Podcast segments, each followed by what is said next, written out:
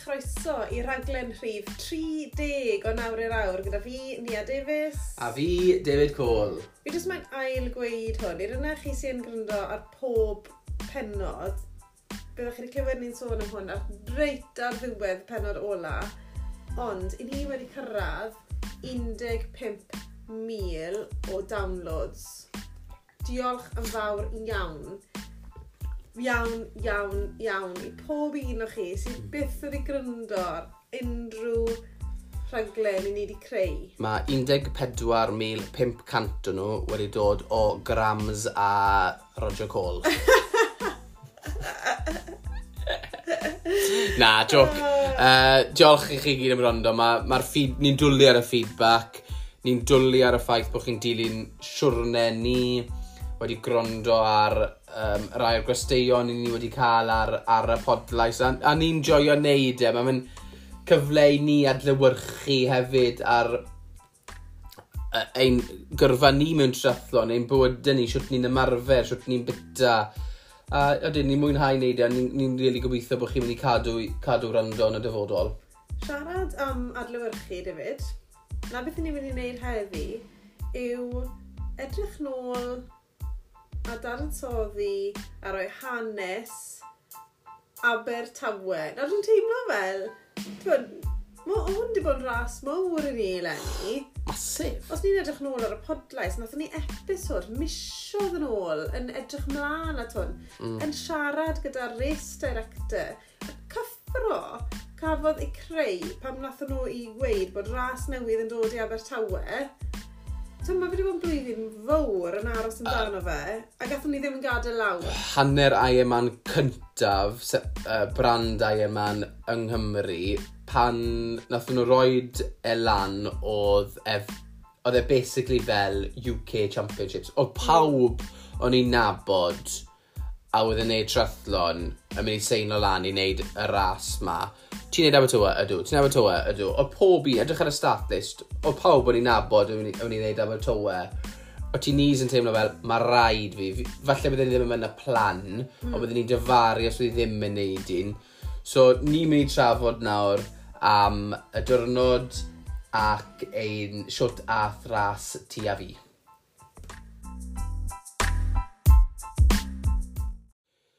Siwt wyt ti'n teimlo, Dynian, arwain lan i'r ras? O ti'n nerfus? O ti'n barod? Oedd yr ymarfer wedi mynd yn dda? O, hwnna'n cwestiwn anodd. Okay? Achos fi'n credu fath o pobl i ni, ni beth yn teimlo fel bod ni wedi gwneud digon. Mm. Mm. Os hmm. ni'n neud rhywbeth, ni'n licio neud rhywbeth yn iawn.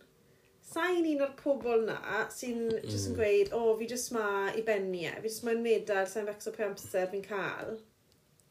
Fi point... moyn neud y gorau, a sa'n gweud bod fi moyn ennill, ond fi moyn neud y gorau fi gallu neud.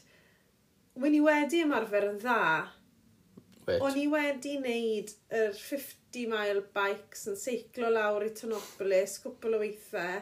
O'n i wedi bod mas o Mallorca, ond oedd Mallorca'n teimlo'n bell mm. i ffwrdd. Oedd adeiladu am yr hanner marathon, nes i just digon. Nes i o'n i ddim wedi wneud um, 10k cyn tata stil, a oedd hwnna yn mis mai. Mm. Wedyn, wedi wedi adeiladu un wythnos ar y tro, adeiladu un milltir, a fi'n credu rhan hyrra fi oedd 11 milltir, a dyma'r unwaith nes i pob ryn. A dwi'n gwneud sens. Pam ni'n licio ymarfer am hanner marathon, ni'n licio ni lot o 6 miles, lot o 8 miles, mm. lot o 9 miles, build o, build o, build o volume. Lle'r nes i literally 6, 7, 8, 9, 10, 11 ras. Fi mod... Ond mae fe'n digon. Fi mod o ti'n becso bach am y cwpl o'r wythnosau cyn ni yn gweud o ddau, sa'i di wneud digon, sa'i di rhedeg digon, sa'i di sicro digon. Ond dwi'n mynd fel an hunan yeah. ymwelloedd cyn i fi mynd mewn i ras mawr, a dwi'n fel, ni, sa'i di wneud digon. A wedyn mae'n ma, ma cymeryd rhywun ymwell waith i eistedd a siarad y ti a gweud, drach beth ti wedi wneud. Drach faint o... Drach faint ti di dwm lan, ti di wneud... Ti di seiclo lan mm. i Tynopolis, 50 milltir, mm. o ti'n sio pedwar gwaith, 3 neu bedwar gwaith o leia. Wedyn, yn syth ar ôl hwnna, yr un diwrnod, o'n i'n mynd i'r North Docks i nofio. Mm. Twod, so o'n i'n cael dros 2 km o nofio mewn fan y North Docks, yr un diwrnod. Beth o ddim da fi oedd y cysondeb. Falle mae'n i'n cael e un dydd da mm. ar wythnos, ond gweddill y dyddiau, o'n i'n cael lot o dyddiau off. Y problem mwyaf, mae doi peth arall, bwrodd popeth mas i fi, oedd rhi fi'n gysi Covid am yr ail waith. Do, do. Nawr, health-wise, nath hwnna ddim effeithio fi, lwcus, ond nath e meddwl bod fi wedi goffi cymeryd cwbl o dyrnodau off, a nath e hefyd meddwl bod dyrnodau fi ar yr Tôd y Ffrans wedi newid, fel bod fi actually yn mewn am wythnos cyfan yn ystod y wythnos diwetha y Tôr de France. Mm. A hwnna wedi fod yr wythnos lle wedi ni'n cael ymarfer fi gyd wedi'i wneud. Fydde fod yn wythnos fawr, a basically goffos i cael wythnos off, mwy neu lai, i blaw am y dimercher lle seicles i lawr. Oedd e ddim yn broblem, ond ia, yeah, i ateb cwestiwn ti, wna i yn hapus dy fel nes i paratoi, ond byddai'r henia, yr er, nia cyn cael babi, ddim wedi bod yn hapus gyda fe. Okay. Okay. Wen ni ar y llaw arall, mm. ateb cwestiwn, fi wedi gofyn i ti ateb cwestiwn yn unan. Okay. Mm, o'n i ddim yn, hyd yn oed yn siŵr a byddwn ni'n gallu neud e. Yeah. O'n i wedi cael, fel ych chi'n gwybod, grondo ar y lics man, hynod o siomedig, gallu neud y nofio a'r beic, ond ddim yn gallu redeg. A dim ond ti a fi edrych nôl yn ffôn i nawr, fi'n meddwl dau neu tri wythnos cyn y cystadleuaeth dechreuais i redeg. O'n i wedi mynd am um, MRI scan yn breifet a hwnna wedi dod nôl fel um, uh, hamstring tendinopathy. Fi wedi cael, fi wedi bod ar strength program um, i treial cryfau yr hamstring a'r glwt. A o'n i ddim yn hyderus dros ben bod fi'n mynd i fod yn gallu redeg yn agos i beth o'n i moyn de.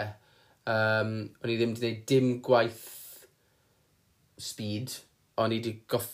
Tua 6-7 wythnos o dim redeg o gwbl, o'n i'n is. Mm -hmm.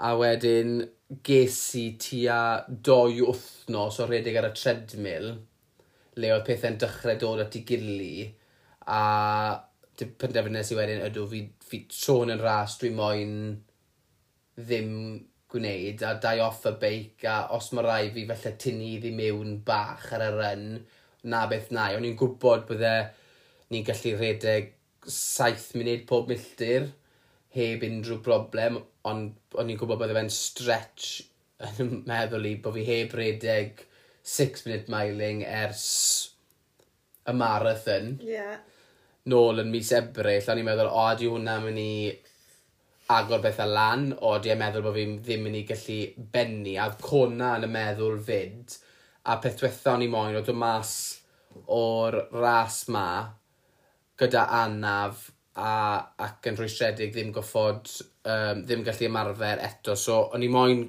gwneud e, ond o'n i moyn benni un pisyn fyd. peth dwi'n teimlo fel nes i'n dda yn y paratoi, pa, paratoiadau, saill i siarad, oedd bita. Do, then head chef o ti yr wythnos na. Wyn. Fi'n cofio ti'n uh, neud specific fel beth o'n i'n mynd i bita yn yr ystod wythnos a bu o'n i'n siarad â dy war fyd, do fe. A o'n i ddim moyn fod um, gyda ddim digon o egni am y ras, so buon ni'n specific iawn yn arwenan y tu ras, gyda'r taper i ddechrau da, ond hefyd gyda faint o cabs o'n i'n mynd i cymeryd ar y dydd Gwener ac ar y dydd Sadwn yn specific am y doi diwrnod cyn y ras ar y dydd Sil. Felly y gol oedd... O, oh, y gol oedd i fyta Ti'n gwybod? Na, gwed y beth yw e. 10 gram o carbs am pob kilogram chi'n pwyso. Reit, okay. so o'n i'n pwyso 53. So, y gol i ni a wedyn yw dros y dydd Gwener a disadwn trwy gydol y dydd yw i fwyta 530 gram o carbs mewn diwrnod. Ie, yeah, ar y dydd Gwener a eto ar y disadwn. Ie. Yeah. A chi'n meddwl, o, beth yw hwnna de? mae hwnna yn eitha lot o fwyd. Oedd e'n lot. Um, so i fi, yn pwyso tua 63 kg, mae rai fi yn elu fwyta 630 grams o carbs dros y ddoi diwrnod na. Um, er mwyn i chi cael syniad falle o faint mae hwnna'n meddwl, bydde un banana yn tua 30 gram o carbs. Yeah um, bydde... Mae gel ni'n gwybod, energy gel, precision hydration er enghraifft, yn 30 gram o carbs. Os chi'n cael bowled o porridge, chi'n edrych, dim ond ni ar y quantities, ond chi'n edrych, mae'n siŵr rhywbeth ar 40 neu 50 gram o carbs. So mae fe'n tipyn i trio cael dros 500 grams o carbs mewn mewn diwrnod. Ond dwi'n gwybod o ti'n stryglan bach achos o'n i wedi edrych ar a pwyso am mesur ar y dimerched i'r iau. A nes ti troi at y Lucas Ed Sports, do fe? Do. So... Am y digwyn ar y disawn, neu mwyn cael boost bach. Ar y dydd iau, o'n i jyst i bita beth byddwn ni fel arfer yn bita mewn diwrnod. A o'n i'n meddwl bod fi wedi bita lot o carbs achos gathon ni fel pasta i swper, ond pan edrychais i ar dydd, o'n i dim ond i bita, bita tua hanner y gol bydde da fi am y dydd iau uh, am y dy Gwener, sori. So ni'n gwybod bod challenge mawr o flaen fi, ond tra'n bita porridge a tosti brecwast yn lle just porridge, a'r snacks yn bwysig hefyd, felly chi yn gallu cael y carbs mewn trwy ffrwythau, oedd hwnna'n helpu fi, achos o'n i'n llawn bara um, a fel porridge er enghraifft. Ond na beth nath really helpu fi oedd ifed Lucas Aid Sports, unrhyw carb drink, ond mae mor rwydd i ifed botel sawl gram o carbs oedd e, tua 50 gram o carbs mewn yn un botel, achos ni'n credu bod yn doi serving.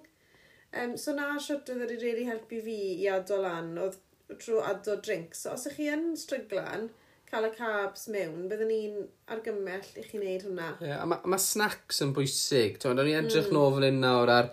A ffordd dda i wneud e, yw, yw defnyddio'r app MyFitnessPal. Ie. Yeah. A pwyso wedyn y bwyd um, chi'n mynd i cael a bita. So ar y di Gwener, y pumed o aws, doi dwrnod cyn y ras, er enghraifft i swper, gathon ni um, spaghetti pasta. So pasta 125 gram um, i bwyso, a oedd hwnna'n rhoi 90 gram o carbs. Mm. Okay? Gyda hwnna wedyn, gathon ni prawns, chorizo, a hefyd gatho ni garlic bread yr un. So, mm. oedd y garlic bread hefyd yn ychwanegu at y cab. So, oedd un garlic baguette, hanner, hanner garlic baguette yr un, rai chi'n cael o Aldi, hwn, oedd hwnna'n rhoi 38 grams o carbs ychwanegol. Um, Twod, snacks yn ystod y dydd, o'n i'n byta cereal, o'n i'n byta hot cross bun. Mm. So, dim lot o fat yn hot cross bun. Nawr, bydde un hot cross bun yn rhoi 35 gram o carbs i ni. So, yn swnio fe lot o fwyd, ond, fe weitho fe, na dda. So, dau peth newidon ni, mwy o carbs a llai o ffaiber. A ddim lot, dim, dim gormod o ffat chwaith, dy fe. Na.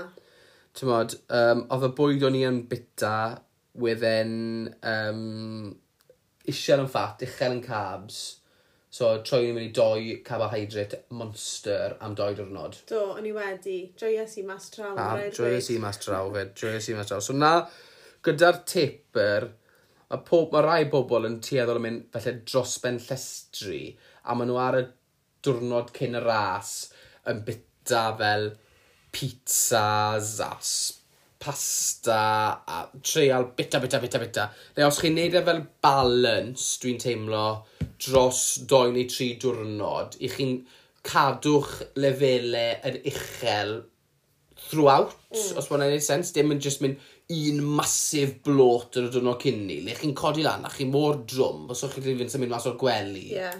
So, gweithodd hwnna dda. So, na beth newidon ni am, am y ras greiddo ni'n Abertawe y diwrnod cyn y ras a athon ni parco ni yn capac Morrison's, top tip, oedd e'n lleoliad arbennig ar gyfer mm. transition ar gyfer y llinell orffen a registration y popeth fel. A popeth yn smooth yn dyfedd, y tywydd yn braf, welwn ni pob un o'n i'n nabod oedd yn teimlo hmm. fel, byddwn ni'n siarad, siarad, siarad, siarad fod hala bach gormod amser ar yn drad, ond oedd popeth yn iawn. Cytuno? Do, sa'n ni'n mynd mewn i gormod, ond oedd yn digon o lefydd i barco, so chi'n digon drefnus cyn ni, bwco parco yeah. o flan llaw. Popeth yn gweithio'n gwych, oedd yr athlete village bach, real good atmosphere mewn mm. siarad, pawb yn edrych mlaen, a'r highlight mawr i fi ar y disadwn drwy'n cyn y ras digwydd cael pawb o DC Trathlon um, i ymgymell am 5 o gloch um, wrth y llinell terfyn a wedd Iron Man, achos ni oedd un o'r clybiau fwyaf wedd na, oedd Iron Man mynd i cymeryd llun ohono ni gyd, so 24-25 o'n ni a rai o'r um, fans de, oedd yn rhan o DC Trathlon oedd ddim yn... Rhai athletwyr ni. Athletwyr ni de, so ddim yn, um, oedd ddim yn cystadlu, ond oedd na'n cefnogi. Gathon ni llun yn y hoel, um, yn ein kit, yn edrych mlaen ac yn, a, a a, siarad am beth oedd mynd i fod y drwy'n nesaf. Yr unig beth oedd yn anodd y beth y drwy'n na, mae pros a cons i hwn, oedd bod British Trethlon wedi penderfynu ymuno mewn yn y penwthnos a cael para event ar y dydd Sadwrn, oedd yn meddwl bod rhai'r rhewlydd ar gau, y traffig yn wael, Ond oedd e yn gwych i gweld hwnna mynd mlaen, y dyrnod cyn ni, a gwelon ni cwpl o pethau digwydd, dy fe, welon ni dyn heb breichau nofio yn gloiach na dim un o'n i byth gallu nofio. Welon ni ffrind ni Darren Williams, o fo'n hynod y llwyddiannus yn ei ras fe, felly oedd e'n wych i gweld hwnna. Do, so mlaen i ras ti a fi de. Mm. So ni'n mynd i siarad yn gyntaf, ni a siwt ath y swim dy ti. Wel, oedd hi'n o'r cyn dechrau na fi, a falle dyna mm. ni hmm. ddim gweud, ond gathon ni ben a snico mewn i ar deilad, lle oedd y volunteers i gyd yn ymgymnell cyn y ras. A nath fi David jyst eistedd ar y llawr. A just, chill out bach. Just chill out, a pob un yn cerdded heibo ni, a maen nhw'n gwybod bod ni ddim moyn, bod ni ddim fod na, ond achos maen nhw'n edrych fel bod ni fod na, nath neb gweud i fi, dy fe? Really big chill out bach, dy fe? Mae hwnna'n top tip i fi. A ddim stress, da ni. Fi'n licio cyrraedd yn gynnar, so bod ddim stress a mae wastad yn gweithio'n dda. O'n i lawr cyn y traffic, cyrraedd y transition gyda'r cynta. Car gynta yn y capa. Ie, yeah, a cyrraedd na, sy'n mynd i chi gwylltu, chi'n cael mynd i'r tŷ bach gynta. Sy'n chi cwo 20 munud, i'n mynd i'r tŷ bach, chi'n gallu mynd straight mewn o 2-3 munud cyw. A pethau bach o'n un, yn ddim yn adoi'r stres o bore.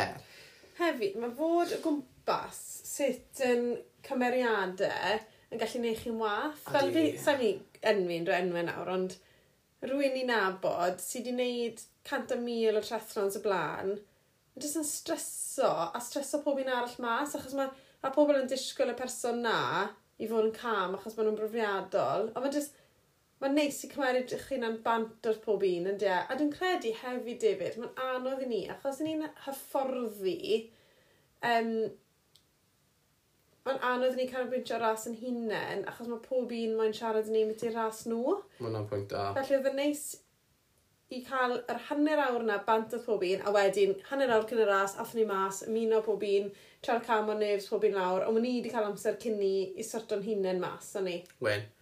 Wen. Mewn i'r dŵr, yn hwyr, achos oedd rhyw protestidia, rwy'n yn protesto, pallu gadael y rewlydd i cael ei cael, ond o'r diwedd, mewn yn y dŵr, A o'n i'n teimlo'n wych o'r dechrau. O'n i ddim wedi cael y panic na, falle ti'n eitha'n cael yn syth mewn mynd i'r dŵr.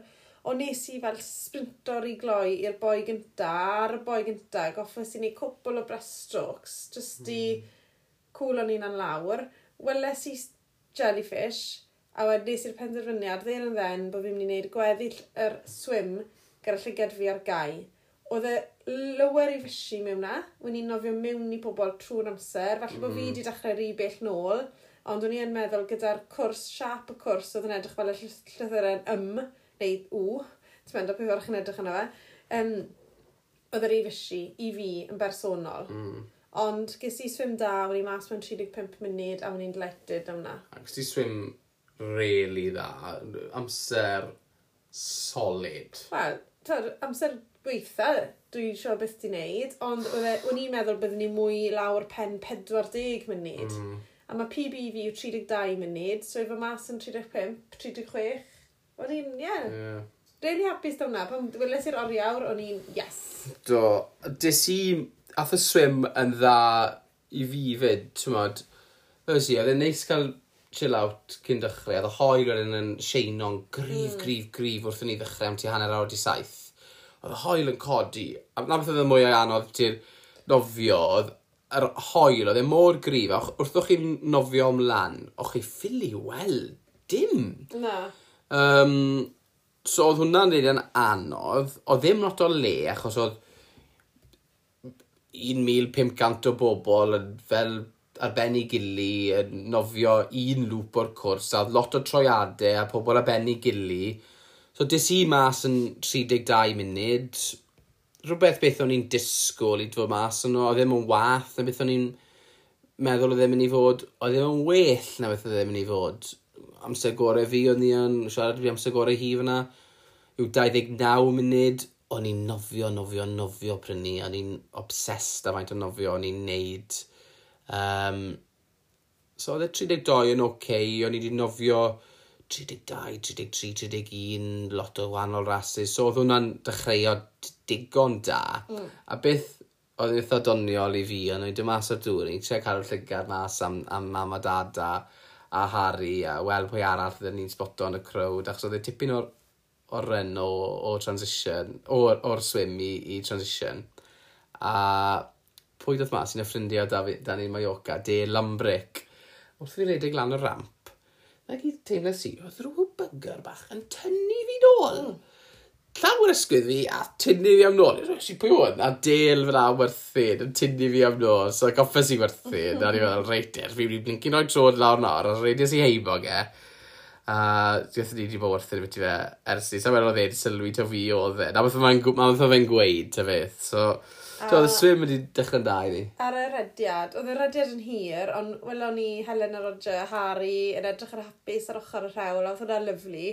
O'r unig peth wedi i, oedd un part, oedd y carpet ddim yn dechrau digon cloi, a oedd yn really boenus ar y trad, gyda'r cerrig i gyd goffon ni redeg drosto, so gobeithio ar ymwneud newid hwnna er mm. erbyn blwyddyn ar ôl ni. Ond transition yr ymwneud yn iawn. Do, i transition iawn i fi fyd. Mi wna mas yn digon gloi. Ie, yeah. wel, o'n i'n actually'n really slow. Ah, okay. Is i, o'n i'n hapus transition mwy? Ah, fi'n credu, achos ma'n i'n meddwl bod y diwrnod mynd i fod yn araf. O, oh, cymerad amser ni anna, yn siŵr bod ti'n gyffyrddus, mm. ond...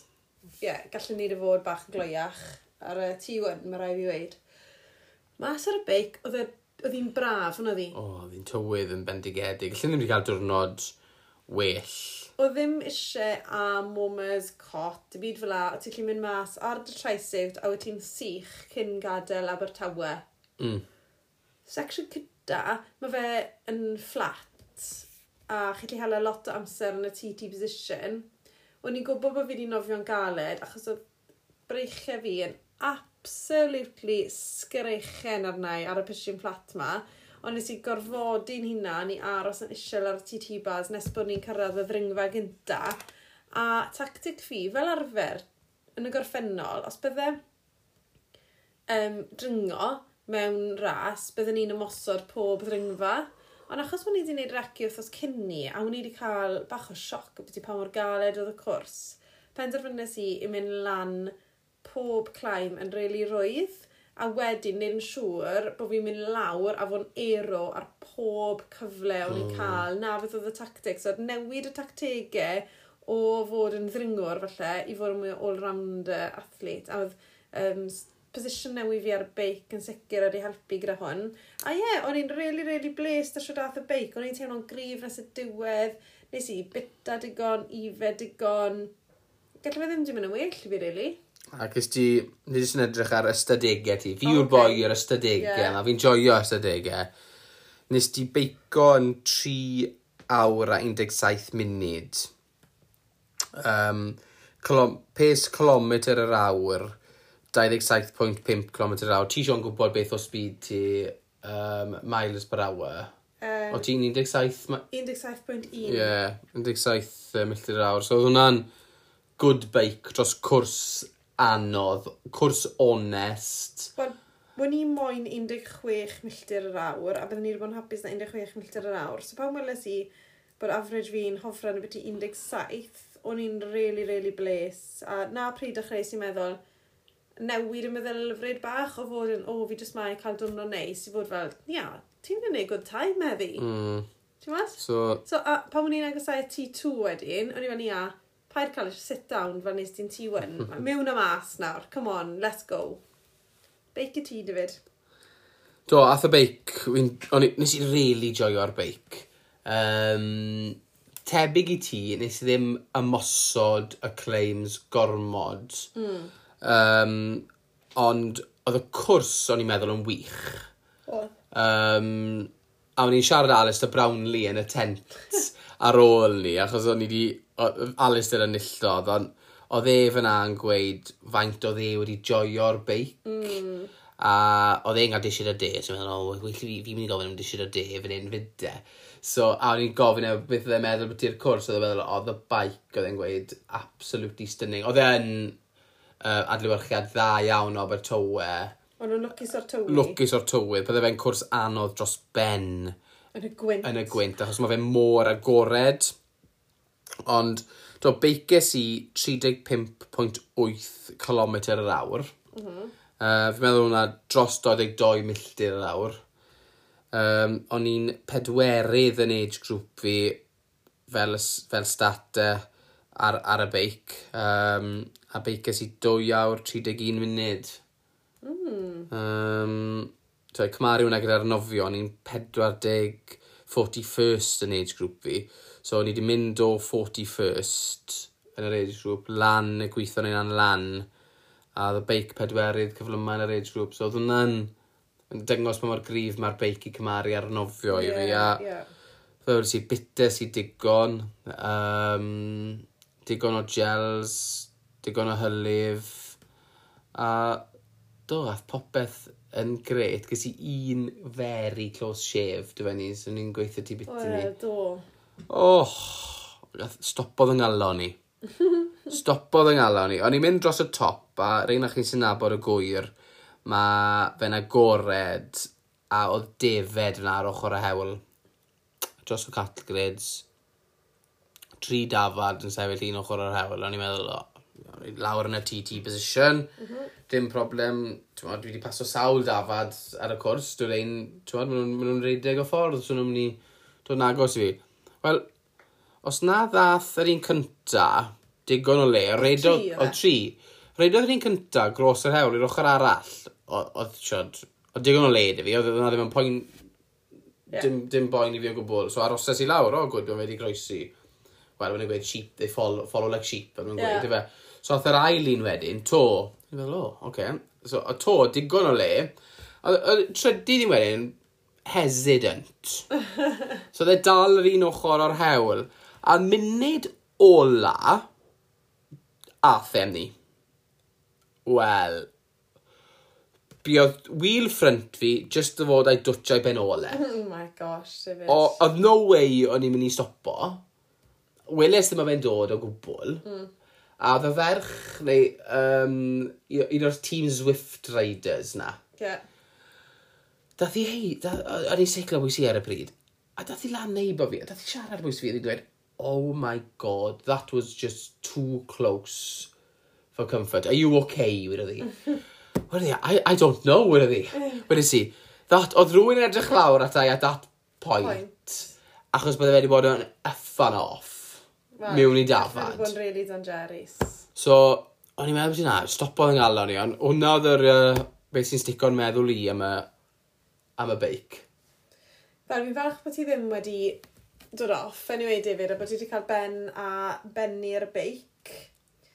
Ewn ni, siarad ti tŵ ti de, achos fi wedi gweud bod ti'n fi. Yn eitha gloi, so mm. dim problem. Um, tynnes i'r shoes off, redes i dros y cerrig, aw, aw, aw, aw, aw, aw, aw, aw, aw, red, reit lan i'r tent, rodes i socks mlaen, trainers mlaen, a ar y pwynt ma ni feddwl, fi'n gobeithio mae'r um, glwt a'r hamstring wedi fod yn o reit. Um, roes i cap, sunglasses, oedd hi'n dwym y fe, a mas a fi. A siat oedd y glwt yn teimlo? Oedd e'n teimlo'n dda, Um, o'n i'n oh, mor chyfft, achos o'n i ddim yn siŵr sut ddim yn i fod. Deseidus i bod fi ddim yn i edrych ar y watch. Mm -hmm. Bo fi jyst mynd i, fi jyst mynd i redeg off sut dwi'n teimlo. Mm -hmm. A o'n i'n tica nhw off. Fi wedi bod yn redeg ys blynydda, so o'n i'n gwybod, ti'n modd, oedd e'r ei galed neu'r ei roedd. Ond o'n i'n teimlo mor gyffyrddus. A milltir ar ôl milltir, o'n i'n jyst yn teimlo wych, o'n dod lan 550, 555. Um, 550, o'n i'n meddwl, o, mae hwn yn teimlo'n gwych, ti'n meddwl? A gymeres i tri gel ar y cwrs, pasas i loads o o'n i'n nabod, a joy, y run joyous i fwyaf. Mm. Um, o, joyous i pob eiliad o'r ren, o'n i ddim moyn dod i ben. Um, a redes i 1 awr a 17 munud, sa'i byth di redeg mor gloi hynna mewn, mewn hanner rai yma'n o blaen. Um, a siwtodd y cwrs fi oedd e'n fflat a cadw e sy'n gyson trwy ddi. Mae hwnna'n angredadwy ar ôl cyn lleiad a rhedeg, bod ti wedyn wedi wneud rhedeg mm. ar yn gloia. Pobl sy'n credu bod meddwl bod ti'n gweud cael celwi. Na, ti'n gwybod fi ddim. Na, fi'n gwybod, ond to, mae mor just wych ar e, ia, bod ti wedi cael ben ar un gloi. Fi'n meddwl am falle, ti lle fod yn gwersi fi felly, a fel, fel i ti meddwl fyd. O, ti yma ti'n meddwl bod ti'n undercooked fel bod nhw'n gweud, as bod, bod fi heb redeg lot, mm. a ti'n gweud, o, fi heb redeg lot. Mm. Ond wedyn, falle mae'n well bod bach yn undercooked na overcooked. Wyt ti'n meddwl falle bod ti wedi dylen nôl bach ar y beic fyd, a bod hwnna wedi helpu? Dylen si nôl ar y beic, a hwnna'n, oedd y coesau'n teimlo lot mwy ffres, achos mm. nes i mm. ddim really ymosod y beic, achos o'n i moyn cael gwydryn. Mm um, oedd hwnna wedi helpu. Ges i nutrition yn spot on, oedd hwnna wedi helpu, nes i ddim cael cramp.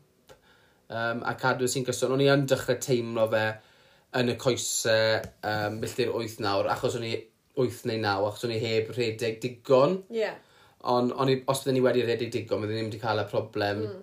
Na, o'n i'n beth wedi, e, o'n i'n sicr yn gwybod y fyti ni y diwrnod ar ôl ni, achos oedd e y coesau yn dost.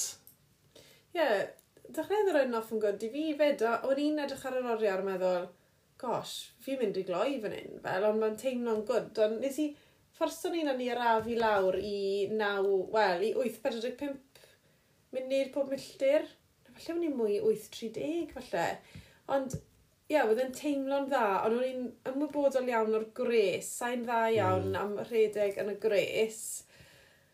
Ond nes i dod â Gatorade fi off, o'n i ddim yn plano rhedeg gyda botel, ond oedd hanner botel o Gatorade ar ôl dy fi ar y beic, a nes i dod o'na da fi, a oedd hwnna'n good thing. Um, a mae lŵp gynta, popeth yn mynd really dda, achos doi lŵp o dde. O'n i i'n gweld pobl eraill di si trathlo yn y rhedeg amdana, a mynd heibo nhw, cael sgwrsed nhw.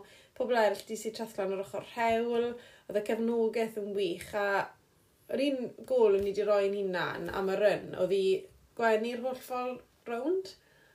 A o'n i'n gwybod bod fi ddim yn mynd i redeg dan dwy awr, hmm. achos yn hanner Ironman Mallorca, hanner Ironman Weymouth, dwi'n credu redes i 1.56 yn un a 1.54 yn y llall.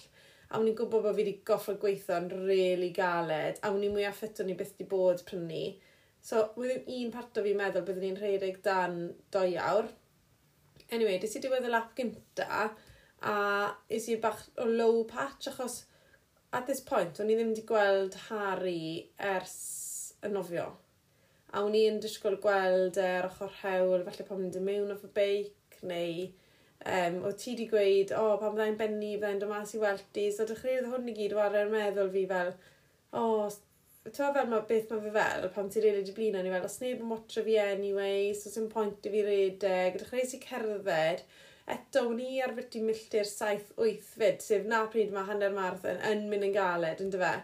Ond mae'r un, jyst meddwl nes i'n unna, ni ar, unig gol sydd ati heddiw, gwenu'r holl ffol rown, so tyndyn yn at y gili, a o'n i'n neud wedyn, um, rhedeg, ond nes i cwbl o run walks ar y section ma, achos o'n i yn rili really dechrau stryglan, ond wedyn cerdded sydd trwy pob um, feed station ar y ffordd mas, so ar yr milltir 7-9.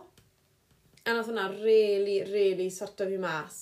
A erbyn o'n i ar ffordd gytre, milltir 10, 11, 12, ges i ben ar rhedeg yr holl ffordd, heb stopon, feed stations, e, just cymeryd gels mlaen, cymeryd coc mlaen, a e, eto dal yn gweld pobl yn ei nabod yn redeg heibo, e, roi high fives i athletwyr ni oedd yn redeg yn yr opposite direction a nes i really, really, really joio y run. A pan o'n i'n dod lawr finish line, y gym o'n i moyn oedd gwrdd llun o'n hunan yn benni a goffes i, wel, i dechrau da, codes i breicha lan a bwres i ryw fenyw yn y pen by accident, achos oedd hi'n trael overtake o fi. So nes i fel sprint finish, achos o'n i moyn fel paso tri dyn yma, a wedyn just fel o'n i'n mynd dros y finish line, oedd y fenyw na o'r 5 munud yn gynt. Nath i dod sprinta bo fi, so sa'n siŵr ges i quite y finish line photo yn i moyn, ond o'n i mor hapus i cael medal, ond yn peth o'n i mwyaf hapus y byty, oedd ddim idea dy fi, oedd pan wedys di'r thai bod fi wedi redeg 1.57. O'n i just ffili credu bod fi wedi redeg dan 2 awr. So, so hwnna'n uh, really good solid run. A Bydde, ond fi, bennes i, a o'n i moyn dod mas straight away i watcho ti, ond fel wedd y cwrs, oedd e'n amhosib i fi do lawr gyda Harry, a'n rieni do lawr gyda Harry i gweld ti ar y cwrs redeg, achos byddwn ni ddim wedi gallu mynd nôl i gwylio ti ar y, yn gorffen, so yn i gyd na yn gwylio ti yn do lawr y finishing line. Fel wedys ti, o'n i'n mynd i gloi, o'n i'n mynd lot yn gyfloiach overall na beth oedd times mi gyd. Oedd e'n, to bennes i, oedd ni am mynd i dechrau ar ail lap. So oedd e ddim, unwaith ti'n dechrau ar ail lap, ti ffili wedyn, achos oedd e ti a milltir o wac o'r llinell terfyn i dala ti'n troi rownd am yr ail yeah, lap. Yeah. So erbyn amser o'n i'n cyrraedd lawr yna, byddwn ni ddim yn gallu dod nôl, achos oedd dim ond doi lap oedd e, i gweld ti'n benni. So oedd e ddim yn rwydd fyna i'n rieni gallu dala popeth. Na, o'n i'n gobeithio ni, achos o'n i wedi gweud, o, da mas i watcho ti ar y ren, ond dwi ddim fel ai mewn Wales, a ti lle just jumpo stryd i'r llall, o, dala i ddi fan hyn, dala i ddi fan na. Mae very much out and back, ti'n modd, ond... Fe yn good i spectators, ddo. O, di. Um, Mae lot o teuluodd, achos chi'n redeg heibo... Beth yw enw'r bar na? The Secret Bar, o fe? Secret Garden, o fe? Yes. A mae lot o porfa, yeah. lot o lle, plant i ware lot o tylioedd ar y traff, fel mae'n gwych i mynd i wylio, um, ond os ydych chi moyn fod ar y finish line, chi ffili fod fan abys. Sneakers i mewn wedyn i'r finishers tent gyda Harry. Oedd Harry ddim fod yn y finishers tent, ond dath e mewn da fi. A o'n i gyd mewn fyna am, am bach, o'n i'n siarad. Ond, fes i, oedd e'n wych gweld cymaint o athletwyr DC Trethon mas ar y cwrs. High five yn hyn, go on DC, go on DC. High five Pau, e- oedd e'n briliant. A un o beth oedd y sticio'n meddwl fi, oedd gito ar, un, ar lap gynta fe, a o'n i'n llygwelen dod. A mae big thing i nawr, y beth i'r junciad dog i fe. So o'n i'n meddwl, o, oh, redau landio gyda halau ofon yn y gen nawr. So es i lan ato fe, o'n i'n dechrau second lap a ca bach o sport. Os o'n i'n benderfynol o joio fe, ta pob eiliad ac gefyd. Es i lan ato fe, wwf, wwf, wwf, wwf. A ales i gael jwmpo. A hwnna part o'r sport a'r, ti'n modd, part o'r o'r diwrnod i, i mwyn mwynhau pob eiliad ohono fe. O ddoi ni wedi gweud faint o'n i mwyn mwynhau ie. Yeah. Fi'n meddwl, na beth gethon ni mas o, mae ddoi ni wedi cael rasis dda, ond bydd y ddoi ni wedi wneud e hefyd gyda gwen ar ein wynebau. Do, a oedd yr tywi yn ardderchog, gallwn ni ddim wedi cael dynod well i fod yn Abertawe, a byddwn ni'n gweud wrth unrhyw un i, i fynd i wneud e. Mae fe'n sicr yn ras byddai'n stico yn y feddwl i'r ddoion ni. Dyw'r beic ddim yn rhwydd, ond oedd y cefnogaeth ar y ryn yn arbennig, a'r mm. cefnogaeth ar y beic mm. hefyd. Mm. Felly, ras gwych, diwrnod gwych. Do, ar ôl benni, gyda ni cyfle wedyn i dal lan gyda'r athletwyr i gyd, pawb mynd am bach o fwyd, siarad am y, am y ras, faint o'n nhw pawb wedi joio, a aroson ni rownd am uh, seremon, seremoni medalau oedd yr mas yn, yn y noswaith niden, yn, yn y hoel, dwi'n e, meddwl? Do, o ti ddim mwy mynd, o ti, o ti pallu mynd, ond gysi ben y perswadio ti, achos o beth fe ti'n yr age group? Pumed? Do, bechad? pumed. O'n i'n, um, ddim yn siŵr, oedd wedi bod yn diwrnod hir i bawb, o'n i'n, um, ddim wedi cael lot o gyfle i feddwl beth i blwyddyn nesa, achos o, wedi bod mor, to, lot o bethau wedi bod ymlaen gyda yr ymarfer a o'n i heb wedi meddwl am, am plant o'n nesaf ond yn diolchgar iawn i ti am perswadio fi i aros rownd a folon fod yn, yn gefnogol de i, i fynd i'r seremoni a bod fi gallu cael yn, yn, yn slot i mynd i'r um, World Championships yn, yn Finland blwyddyn nesaf. Felly o'n i bai am, am ti yn gweud, ie, yeah, arosod, ti'n ma'n ewni, ewni, fi'n meddwl falle byddwn ni wedi mynd gytre, achos o'n i yn meddwl bod y Harry wedi cael diwrnod tir, a o'n i'n rhoi pwysau ar pobl i aros rownd, ti'n modd? Fi'n credu feithau, mae rhaid i ni gryndo ar yn hunain, sef nawr yw'r awr. Achos yeah. mae'n wsos o'r enghraifft ma nawr, yw un o ffrindiau ni, John Collier, nath e yn really dda, dath e'n trydydd yn age group ti de, dy fe. Gath e ras gorau mae byth wedi cael yn bywyd e. Mae hwnna'n gywir i weid, ynddo? A nath e ddim cymeryd slotau am yr pencymwraethau'r byd yn Finland. Achos wedodd e, dwi moyn ennill slot am y pencymwraethau'r byd yn Cymru er mwyn mynd i Cona, achos oedd e mynd i fod yn rason Aiman Wales. Um, mewn pethefnos. A'n fodus, wrthos dytha neu wrthos cynni, gath e damwen beic difrifol wael, falle brau chi'r clywir amdano fe'n horeb, Yn amffodus, oedd e'n dod i'r groesffordd yn horeb ar y beic, a nath menyw 87 mlynedd ddod, oedd yn anffodus ffili gweld bwrw fel awr. A mae fe nawr yn yr ysbyty yn Cardydd, a mae fe'n mynd i fod na am wythnosau, a yn sicr ddim mynd i fod yn agos i gwylio ai mae'n Cymru, heb sôn am raso yna fe. A felly, na pam o'n i'n trafod, gweud, wedi bod yn gweud, o, oh, aroswn ni ddim am y, med, y sermon i medal um, qualify yn rhyw ras arall, qualify yn rhyw ras arall, ond so ti beth gallu cymeryd y for granted bod ti'n mynd i fod yn y ras nesa, neu a hefyd bod y ras nesa mynd i mynd mor dda. Gallu ti gael pynctio hyd yn oed, gallu'r ddafod na wedi bod cwbl o eiliadau arafach to. Felly fi'n credu, mae rhaid ti cymeryd pob cyfle sy'n dod. Ti'n cytuno dyna? Ydw, wedd yn edrych nôl nawr, oedd yn fi'n mor falch bod, fi, bod, bod ti wedi weithio i, i aros, a dwi'n dwi, dwi, dwi, dwi diolchgar bod, fi, bod ni wedi aros rôl. O'n i jyst ddim moyn rhoi, o'n i'n meddwl bod ti pobl eraill, a ddim moyn rhoi straen ar y teulu, a cyffaros sbiti, wedi bod lan ers, ers 4-5 o gloch o bore. A o'n i jyst ar, ar, y pryd oedd yn meddwl, o, bydde fe'n haws jyst i mynd gytre nawr, mae wedi bod yn diwrnod tir, diwrnod llwyddiannus, llai trial qualify o to, a edrych nôl nawr, a mae'n rhaid chi'n mynd sylwi pa mor dda chi wedi wneud, nes mm. bod chi'n adlywyrchu ar y ras, a na bod ni yn adlywyrchu yn y ras, o'n i yn pumed yn yr age group, o'n i'n 13th overall, mas o 1500, 1600, so sa'i wastad mynd i bod ar y lefel yma, fe wedi sti, falle gai anaf, falle gai dipyn ffôn, falle byddai ddim at, ar y lefel yma, falle byddai ffili qualifier, so dwi'n falch bod ti wedi perswadio fi i aros, y folon aros da fi, bod y rhieni wedi edrych ar ôl Harry a mae'n getre a Harry tra bod ni yn aros a cymeryd y slot. A ie, yeah, ges i slot, so byddwn ni offi, offi Finland yma World Championships um, awst 2023, rhywbeth i rili edrych mlaen i. A un peth arall, mae rhaid i ni siarad y byti, digwyddodd yn y medal ceremony, yw Fion Keynes. Ie. Yeah Fion, un o sletwyr ni, ewch nôl i gryndo ar episod Fion. Mae'n werth gryndo hi. Mae hi wedi cael bywyd anodd iawn pan mae'n ifanc, wedi cael sawl salwch, cancer, a mae nawr yn hyfforddi gyda ni, a mae hi'n athletwr o fri. A oedd hi yn degfed, dwi'n meddwl gweud degfed mm. yn hmm. ei categori hi, a yn y merched, dim ond un neu doi slot sydd i pob... Un, really, Ie, yeah, sydd i pob categori.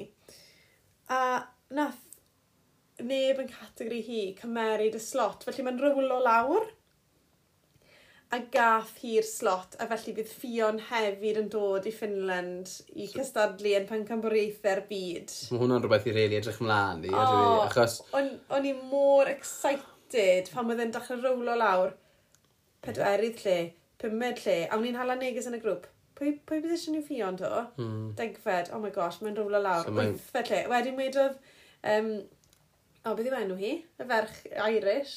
Uh, Joanne Murphy. Joanne Murphy. Is there anybody here in this age category who would like to go to the World Championships? Wel, sa beth ti'n gweld ffion symud môr gloi lawr steir yna. Mae'n mae heiddiau. E. Odi. A sa'n eisiau fan hyn, o gwbl yn gweud achos dath i'n degfed, dwi ddim yn... O, oh, na, no way. Heiddi slot, dwi'n gwbl. Mae'n gweithio'n mwy galed na unrhyw un dwi'n nabod. Mae'n committed. Mae wedi gwella Sandwich shop. Wel, Yn anhygoel, a mae mwy ddodau. Os Mae ydych lot chi'n- fwy ddodau. os chi'n meddwl bod ffion ddim yn heifiau, dylech chi gweld rhai'r categori dynion eraill, lle fydd yn mynd lawr i fel 40th, 50th spot rhai'r slots ma, yn rowlo lawr a lawr yn So ti jyst yn gwybod beth sy'n mynd i digwydd yn y yn yr um, medal ceremonies ma. Na. Ti'n modd, mae rai...